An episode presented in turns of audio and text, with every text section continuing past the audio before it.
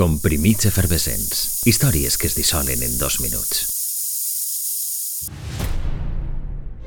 Coneguent la idiosincràsia d'aquell poble i la seva peculiar relació amb la corona, estem convençuts que a més dur se li pararia el mos.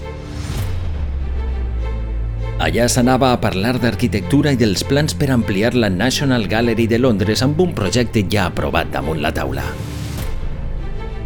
Un 17 de maig, Carles d'Anglaterra s'espolsava un discurs dels que farien època en equiparar el projecte d'eixample del cèlebre museu amb un par de bombers. I no va ser la pitjor de les comparances. En el seu Parlament també va suggerir que aquella ampliació era com un gra en la cara d'un estimat i vell amic. Des d'aleshores, la relació entre el príncep hereu i l'arquitectura contemporània ha sigut nefasta.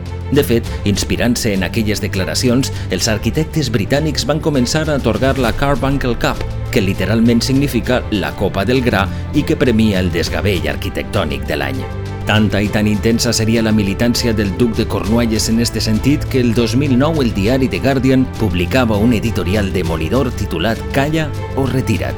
En ella s'acusava el príncep hereu de pressionar per a que es retirara un innovador projecte en un dels barris més elegants de Londres i se substituirà per un altre més tradicional, més al seu gust un gust i uns coneixements escassos, segons els que entenen de l'assumpte, que eixamplen el divorci entre el príncep i l'arquitectura dels nostres dies des del 17 de maig de 1984.